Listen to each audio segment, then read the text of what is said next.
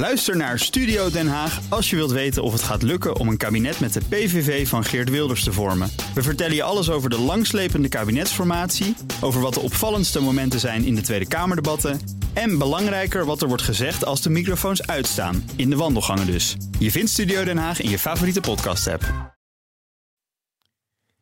China en de Verenigde Staten sluiten een deelakkoord in de handelsoorlog. En prominenten dringen aan op versoepeling van de pensioenregels. Ga ik bespreken met het economenpanel vandaag, bestaande uit Bert Colijn, senior econoom bij eh, ING. Bas Jacobs, hoogleraar Economie en Overheidsfinanciën van de Erasmus School of Economics. En Menno Middeldorp, hoofdeconoom bij de Rabobank. Mijn zakenpartner is Sophie van tech-ondernemer. Goedemiddag allemaal. Goedemiddag. Ja, en het nieuws van vandaag, om daar maar eens mee te beginnen. Een groep van 40 hoogleraren, oud-bestuurders van pensioenfondsen, voormalige topmanagers, dringt aan op versoepeling van de rekenregels. In een brief aan de Tweede Kamer schrijven zij dat de huidige regels leiden tot een buitengewoon onzeker pensioen. En het zijn niet de minste die de brief hebben ondertekend. Oud-Shell-topman Jeroen van der Veer, uh, Herman Wijfels, oud-Rabo, SER-voorzitter, uh, voormalig directeur van de Nederlandse Bank Lex Hoogduin. Wat maken jullie ervan? Ik kijk even naar Bas. Uh, ik kwam net als laatste binnenrennen in de studio. Dus, eh, ik, wat, wat, uh, wat ik ervan maak is dat je ziet dat in dat pensioensysteem, zoals we dat nu kennen, er een enorme spanning zit die te maken heeft met dat aan de ene kant we mensen die pensioen opbouwen heel veel zekerheid beloven. In het pensioencontract staat iets van met 97,5% zekerheid moet jij een nominaal dat wil zeggen niet voor inflatie gecorrigeerd pensioen ontvangen. Tegelijkertijd zien we dat pensioenfondsen. Uh, uh, sorry. En die zekerheid die moet je dus ook waarderen met een hm. zekere rente. Dus vandaar dat de rekenrente heel laag is, want die hoort bij risicovrije beleggingen. Dus die, die, die zekerheid is heel duur geworden, omdat die rente heel erg laag is geworden. En dus zijn de dekkingsgraden van de pensioenfondsen enorm omlaag gegaan. Tegelijkertijd zie je dat pensioenfondsen hoge beleggingsrendementen halen. Gemiddeld zo'n 7% over de laatste 20 jaar. En dat is heel netjes. En dus die zeggen, ja, waarom moeten wij met uh, zeg maar nagenoeg 0% rente onze verplichtingen berekenen? Terwijl we gemiddelde rendement halen we 7%, waarmee we meer dan voldoende geld in kas hebben om die pensioenuitkeringen uit te kunnen keren. Mm En hier zit een enorme spanning. Want we beloven mensen zekerheid, maar die pensioenfondsen beleggen riskant en halen daarom hoge rendementen. Ja. En wat die pensioenfondsen doen, hoort dus niet bij het pensioencontract. Dus eigenlijk doen ze niet wat ze moeten doen. Als ze nu doen wat ze moeten doen, is alles in risicovrije staatsobligaties beleggen. En daar haal je dus nul rendement op. En dat past precies bij die risicovrije verplichtingen. maar dan hebben ze dus wel een punt, die prominenten. Als ze Zeker, zeggen, ze van, zullen, we, zullen we die rekenrente dan niet, maar, uh, niet overboord gooien? Maar, maar dus dan moet je ook anders gaan communiceren, is denk ik een van de dingen. Precies. Dan, dan zeg je in feite, het is een... Oh, de pensioenfondsen moeten anders gaan communiceren. Nou ja, wat, wat hier werd gezegd is van... Um, er wordt onnodig onzekerheid gecreëerd. Maar ja, eigenlijk als je deze kant op gaat en zegt... we kunnen een hogere dis, uh, disconteringsvoet gebruiken... Um, met meer risico erin... Um, dan moet je het ook communiceren als een risicovolle uh, belofte. en, en dus daar zit een spanning. Dus als we deze kant op gaan, dan wordt het juist minder zeker. Mm dat, en dat, mm dat is ook een beetje vanaf het, klimaat, uh, sorry, het klimaatakkoord... vanaf het pensioenakkoord is dat ook een van de gedachten. Van we gaan naar een een wat minder strakke belofte in, het, uh, in, in, in, de pensioenvoorziening. Ik wil even, even een paar dingen uh, ook daarbij noemen. Maar ik snap wel dat het communicatief aantrekkelijker is om te zeggen: we, we veranderen iets aan die rekenrente dan dat we iets aan, aan de zekerheid maar, maar er, zit, er zit een probleem. We doen dus dat die pensioenen zelf hartstikke zeker zijn, mhm. maar die pensioenfondsen beleggen. En uiteindelijk het risico wat je bij je beleggingen hebt, komt uiteindelijk bij de pensioendeelnemer terecht. Precies. Dus, dus je kan dus niet aan de ene kant van de balans bij je bezittingen heel veel risico nemen en aan je verplichtingen alles zeker maken. De rechterkant van je balans staat hoe je het risico verdeelt. De linkerkant van de balans staat hoe je het risico genereert. En het risico is niet weg. Dus we moeten naar een pensioencontract wat zacht is, wat Menno ook al zei. En dat is ook in het pensioenakkoord afgesproken. Maar tegelijkertijd hoort er ook een beleggingsportefeuille bij, die net zoveel risico, om het zo te zeggen, heeft als de verplichtingen die het pensioenfonds aangaat naar haar pensioendeelnemers. Hm. Dus de pensioenfondsen kunnen eh, niet het spelletje blijven spelen. We gaan heel veel risico nemen en volledig veilige pensioenen beloven. En dan gaat de Nederlandse bank raar doen. Even ehm, ter, informatie, die, die, um, die rendementen uit het verleden zijn natuurlijk geen garantie voor de toekomst. Hmm. En uh, we hebben een enorme rentedaling gehad. En dat, dat betekent ook dat de, de waardering van allerlei activa omhoog is gegaan. En zo stel je voor dat de rente gelijk blijft, dan kunnen we niet zo'n rendement hmm. verwachten in de toekomst. En helemaal niet als de rente omhoog gaat. Want dan gaat de waardering van, die, van, die, die, um, van het vermogenkant van de pensioenfondsen ook omlaag. door het rente-effect over de hele activa set. Mhm. Dus daar moeten we. Ik, het is helemaal gelijk. Ze hebben dat gehaald in, het, in het verleden. Maar dat is nogmaals geen garantie voor de toekomst. Nee, Zeker niet. En, en dat, dat, heeft natuurlijk ook gewoon te maken met de outlook die er op de economie is. Wat ook enigszins verdisconteerd zit in die lage rente. Die lage rente komt ook ergens vandaan. Het heeft ook te maken met een groei-outlook die minder is. En nou heeft dat natuurlijk niet per se uh, direct mm. wat te maken met die assets waar ze in beleggen. Maar dat heeft natuurlijk wel enigszins een reflectie erop. Dus als je gaat rekenen met rendementen uit het verleden. Ja, precies zoals Menno zegt. Dat kan in de toekomst kan het wel eens anders uitpakken. Maar wat het interessant maakt, uh, Bert Colijn, is natuurlijk ook de, de, de namen van de ondertekenaars die nu de, die de, de kat de bel aanbinden en zeggen: als we zo doorgaan, rekenen we onszelf de put in. Dat is helemaal niet nodig. Nee, precies. Nou, kijk, hè, de, de, we zien natuurlijk wel meer de laatste tijd dat er uh, veel economen de bres op gaan voor bepaalde onderwerpen. Het geeft me aan inderdaad dat het een heel uh, actueel onderwerp is waar veel uh, discussie op het moment over is. Um, ja, of, of we inderdaad nu per se dan moeten zeggen dat we met andere regels moeten gaan rekenen. Ja, dat, dat, dat weet ik niet per se. Het lijkt me niet dat dat naar het, gaat, het, gaat, het gaat niet gebeuren als ik, als ik jullie zo inschat. Dus, nogmaals, er zit iets raars in die verplichtingen bij het huidige contract zijn hard. Nou, dan ga je naar een nieuw uh, pensioencontract, worden ze misschien wat zachter. Dan kan je misschien met een iets hogere rente gaan rekenen. Mm. Maar je mag pas met het rendement van uh, van het pensioenfonds die verplichtingen waarderen. Als die verplichtingen, dus de pensioentoezeggingen, net zo hard op en neer stuiteren als de beleggingsportefeuille mhm. van het pensioenfonds. Dus dat er net zoveel risico bij de bezittingen als bij de verplichtingen zit.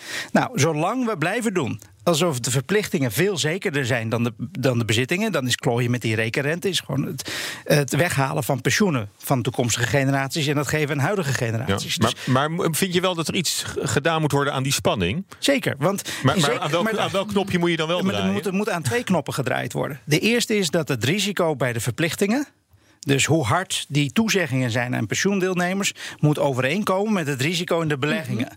Want uiteindelijk komt het risico van de beleggingen altijd bij de pensioendeelnemers terecht. Mhm. Dus er is een soort wet van behoud van mhm. risico. Wat ze op de aandelenmarkt, in de huizenmarkt, en de, eh, noem maar op waar ze risico lopen. Dat risico is er. Dat moet uiteindelijk altijd verdeeld worden over de mensen die pensioen opbouwen.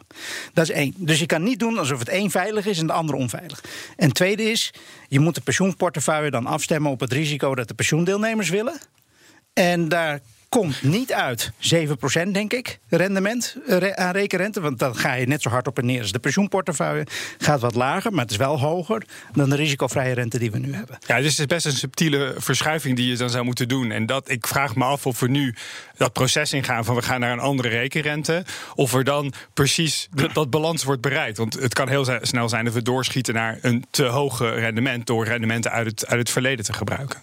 Ja, en het probleem met deze brief vond ik ook weer dat rendementen die gehaald worden bij de bezittingen worden gebruikt om mm. iets aan een verplichting te verdisconteren.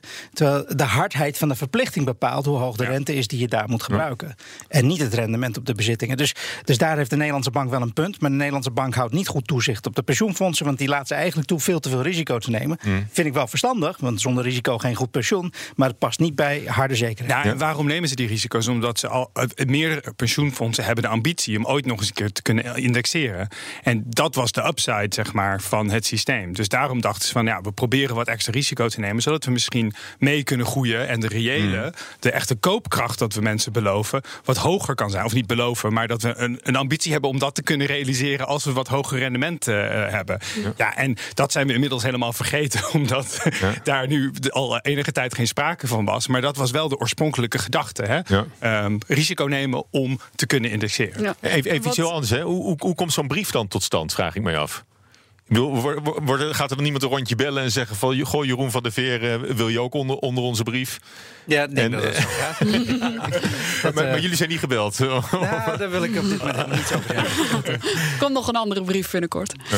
En komt misschien een eh, stukje in de krant, ja. Eh, wat betekent dit voor de, voor de werknemers en voor de mensen die bijna met pensioen gaan? Die denken, al die jaren heb ik al die zekerheid gekregen, daar heb ik voor getekend. Het pensioenfonds is misschien veel meer risicovol gaan beleggen. Maar ja, daar heb je als werknemer eigenlijk helemaal geen invloed op.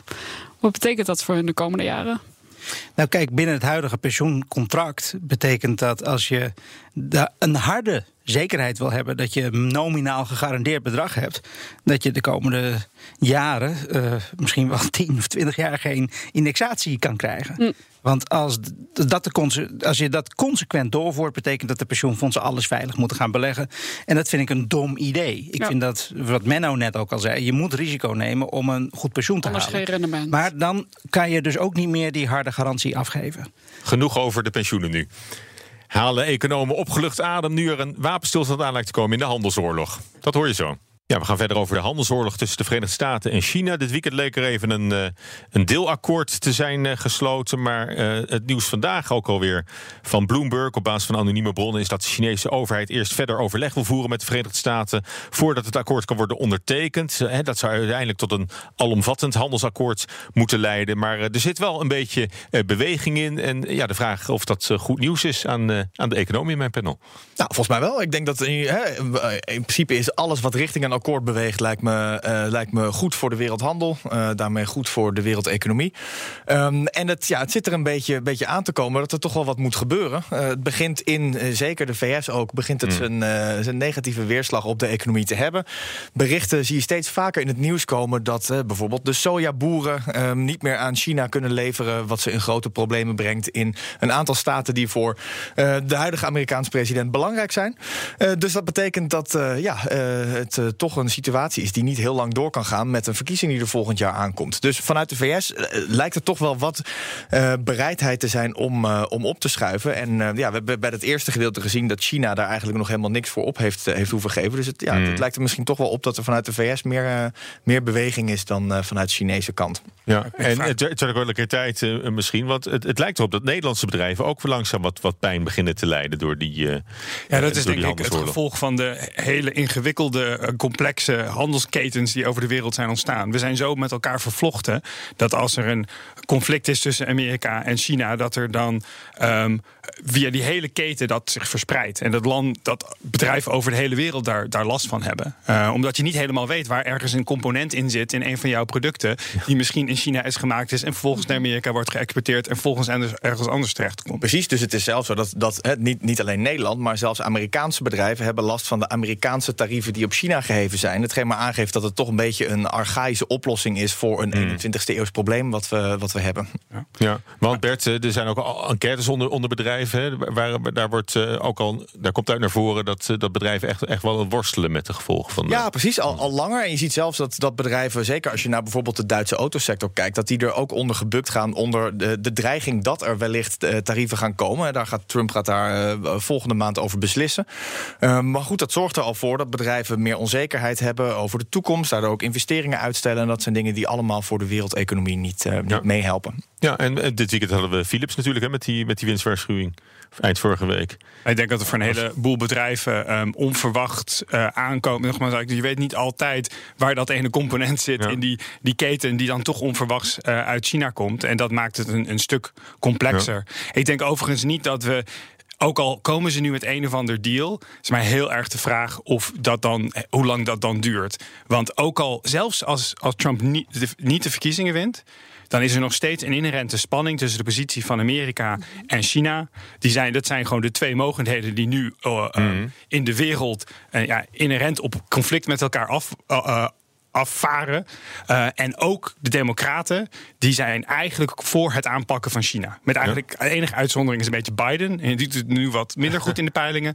Al de andere kandidaten zijn er eigenlijk mee eens dat we moeten iets met, met China. Het grote verschil is, wat moeten we met Europa? Dus voor Europa zou het wel goed nieuws zijn als uh, de Democraten winnen. Dan is er denk ik de kans op een handelsoorlog tussen Europa en Amerika een stuk kleiner. Maar die, het risico van handelsconflict tussen China en de VS, dat, dat verdwijnt niet zomaar. Dus een deal zal ik altijd als, als tijdelijk beschouwen. Nou, is het dan een oplossing, eh, misschien Bert, voor bedrijven zoals Philips om in uh, divisies te verplaatsen, om hun productie uit China weg te halen of, of uit Amerika weg te halen? Afhankelijk van waar het, waar het naartoe moet? Nou, kijk, als, als dit inderdaad het, het lange termijn beeld is wat Menno nu schetst, als dat is waar we, waar we naartoe gaan, dan kan dat wel, wel zinvol zijn. Het, het probleem met het, het korte termijn issue van zo'n handelsoorlog is dat het ook heel snel weer van tafel zou kunnen zijn. Omdat het een paar mensen zijn die daar beslissingen over maken. Dan wordt het ineens heel duur als je je hele productielijn ergens anders naartoe verplaatst hebt, ja. waar dat minder optimaal is uh, dan je in eerste instantie bedacht had. Uh, dus vandaar dat je ook veel uitstel van dat soort beslissingen ziet. Ja. En dat zorgt dan toch voor pijn uh, bij bedrijven wereldwijd. Het is wel heel erg erg 20ste eeuw, hè, die uh, handelstarieven, vind je niet? Ja, is het ook. Dat zei ik net ook. Uh, het is heel erg 20ste eeuw. En die, die, die handelsrelaties zijn dusdanig complex dat we, dat we het niet op die manier kunnen aanvliegen. Maar ja, dat is de, hoe de hoofd van Trump werkt. dus helaas kunnen we daar voorlopig nog niet vanaf. En, en het helpt ook niet om het handelstekort van de VS te verkleinen, hè? zien we. Ja, oh nee. dat, uh, dat wordt alleen maar groter. Want het handelstekort wordt bepaald door wat de private en de publieke sector uh, leent van het buitenland. Ja. En door het beleid van Trump. Uh, de overheid stimuleert, de private sector uh, uh, spaart niet meer. Dus je ziet gewoon het handelstekort oplopen in plaats van kleiner worden. Ja, want het, het exportproduct waar Amerika een competitief voordeel in heeft, is staatsobligaties. Dat wil iedereen in de wereld willen die hebben. Dus ja, daar, dat, dat, en dat doen ze nog steeds goed. Die maken ze dus nog in grote hoeveelheden. Ja. Maar goed, het is, uh, het, het, is nog even aanmodderen dus met die, met die handelsoorlog. Daar zijn we voorlopig niet, niet vanaf als ik het zo, uh, zo inschat. En de, de, pijn wordt alleen maar groter. Ook natuurlijk via de, de afnemende economische groei in de wereld. Dat, daar hebben we allemaal in het algemeen dan een beetje... Nou, een van de belangrijkste drivers achter die afnemende groei is dat handelsconflict. Ja. En nog steeds denk ik dat tarieven op zich misschien niet eens zo schadelijk zijn. Bijvoorbeeld ook voor Amerika. Uh, de internationale handel is niet, niet zo heel belangrijk voor Amerika. Veel minder dan bijvoorbeeld voor Europa of voor, voor Nederland. Maar de instorting van de internationale handelsrelaties die hiermee gepaard lijkt te gaan, is denk ik veel schadelijker voor de lange termijn. Voor investeringsbeslissingen, voor ja. locatiebeslissingen, uh, voor, uh, maar ook voor uh, het vertrouwen internationaal politiek in de wereldorde. En daar vind ik dat Trump wel met een sloophamer in de weer is al een paar jaar. Ja, ja. En niet alleen daar uh, trouwens, met die sloophamer. Uh, even verder gaan we over onze centrale banken. Want die zouden met een eigen munt kunnen komen. Dat is het advies van de Club Nederlandse Economen en andere wetenschappers. En dat advies hebben ze in een brief gestuurd. Weer een brief uh, naar de Tweede Kamer dit keer. Ja, centrale banken en een eigen munt. Voor mij hadden we vroeger hadden alle centrale banken een eigen munt. We hadden de gulden. Ja, nog heel veel landen hebben een eigen munt. maar zouden we weer terug moeten naar, naar, eigen munten voor nationale centrale banken? Nee, waar, waar, het idee over ging was digitaal centraal. Ja centrale bankgeld. Ja. En het idee was dat mensen tijdens een crisis uh, met, uh, met hun spaargeld van hun eigen bank naar de centrale bank kunnen gaan. En ja. daar een bankrekening kunnen openen. In, in, bitcoins of een soort Libra? Of, nee, gewoon, of dat, gewoon, gewoon, gewoon in euro lijkt me. Ja, en, er zijn een paar en, modellen. Hè. Dus dat is, dat is de een van. Gewoon een rekening bij de centrale bank. Maar, ja. En je hebt ook het model waar je zegt dat de centrale bank een eigen cryptocurrency heeft. Dus het zijn mm. twee verschillende manieren om het zeg maar, in te richten. Maar degene waar het nu het vaakst over gaat, zoals Bas zei, is inderdaad een particulier heeft een rekening dan bij een centrale bank. En, hij, en Bas noemde eigenlijk ook al dan meteen het risico. Als het dan misgaat in het als er, als er zorgen zijn over het financiële stelsel, mm. dan is het opeens mogelijk voor mensen om al hun geld bij uh, commerciële banken te pakken en het op één keer te verplaatsen naar de centrale bank. Want ja, die kunnen altijd aan hun, aan hun verplichtingen voldoen.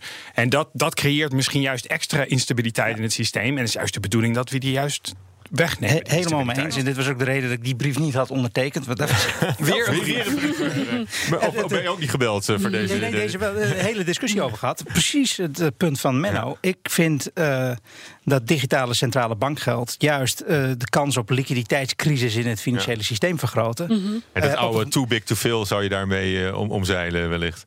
Nou, de, de, het, de, de, argumentatie van de voorstanders is: ja, dat creëert een vorm van marktdiscipline. Dat als uh, commerciële banken zien dat hun spaarders zomaar weg kunnen zijn, dan gaan ze wel voorzichtiger bankieren en gaan ze voorzichtiger om met het spaargeld. Ja. Maar ik vind het creëren van een liquiditeitscrash in het financiële stelsel de, de domst denkbare manier om ja. uh, banken te disciplineren. Ik denk dat dat uh, beter via kapitaaleisen kan en via dat soort macroprudentieel beleid. Mm -hmm.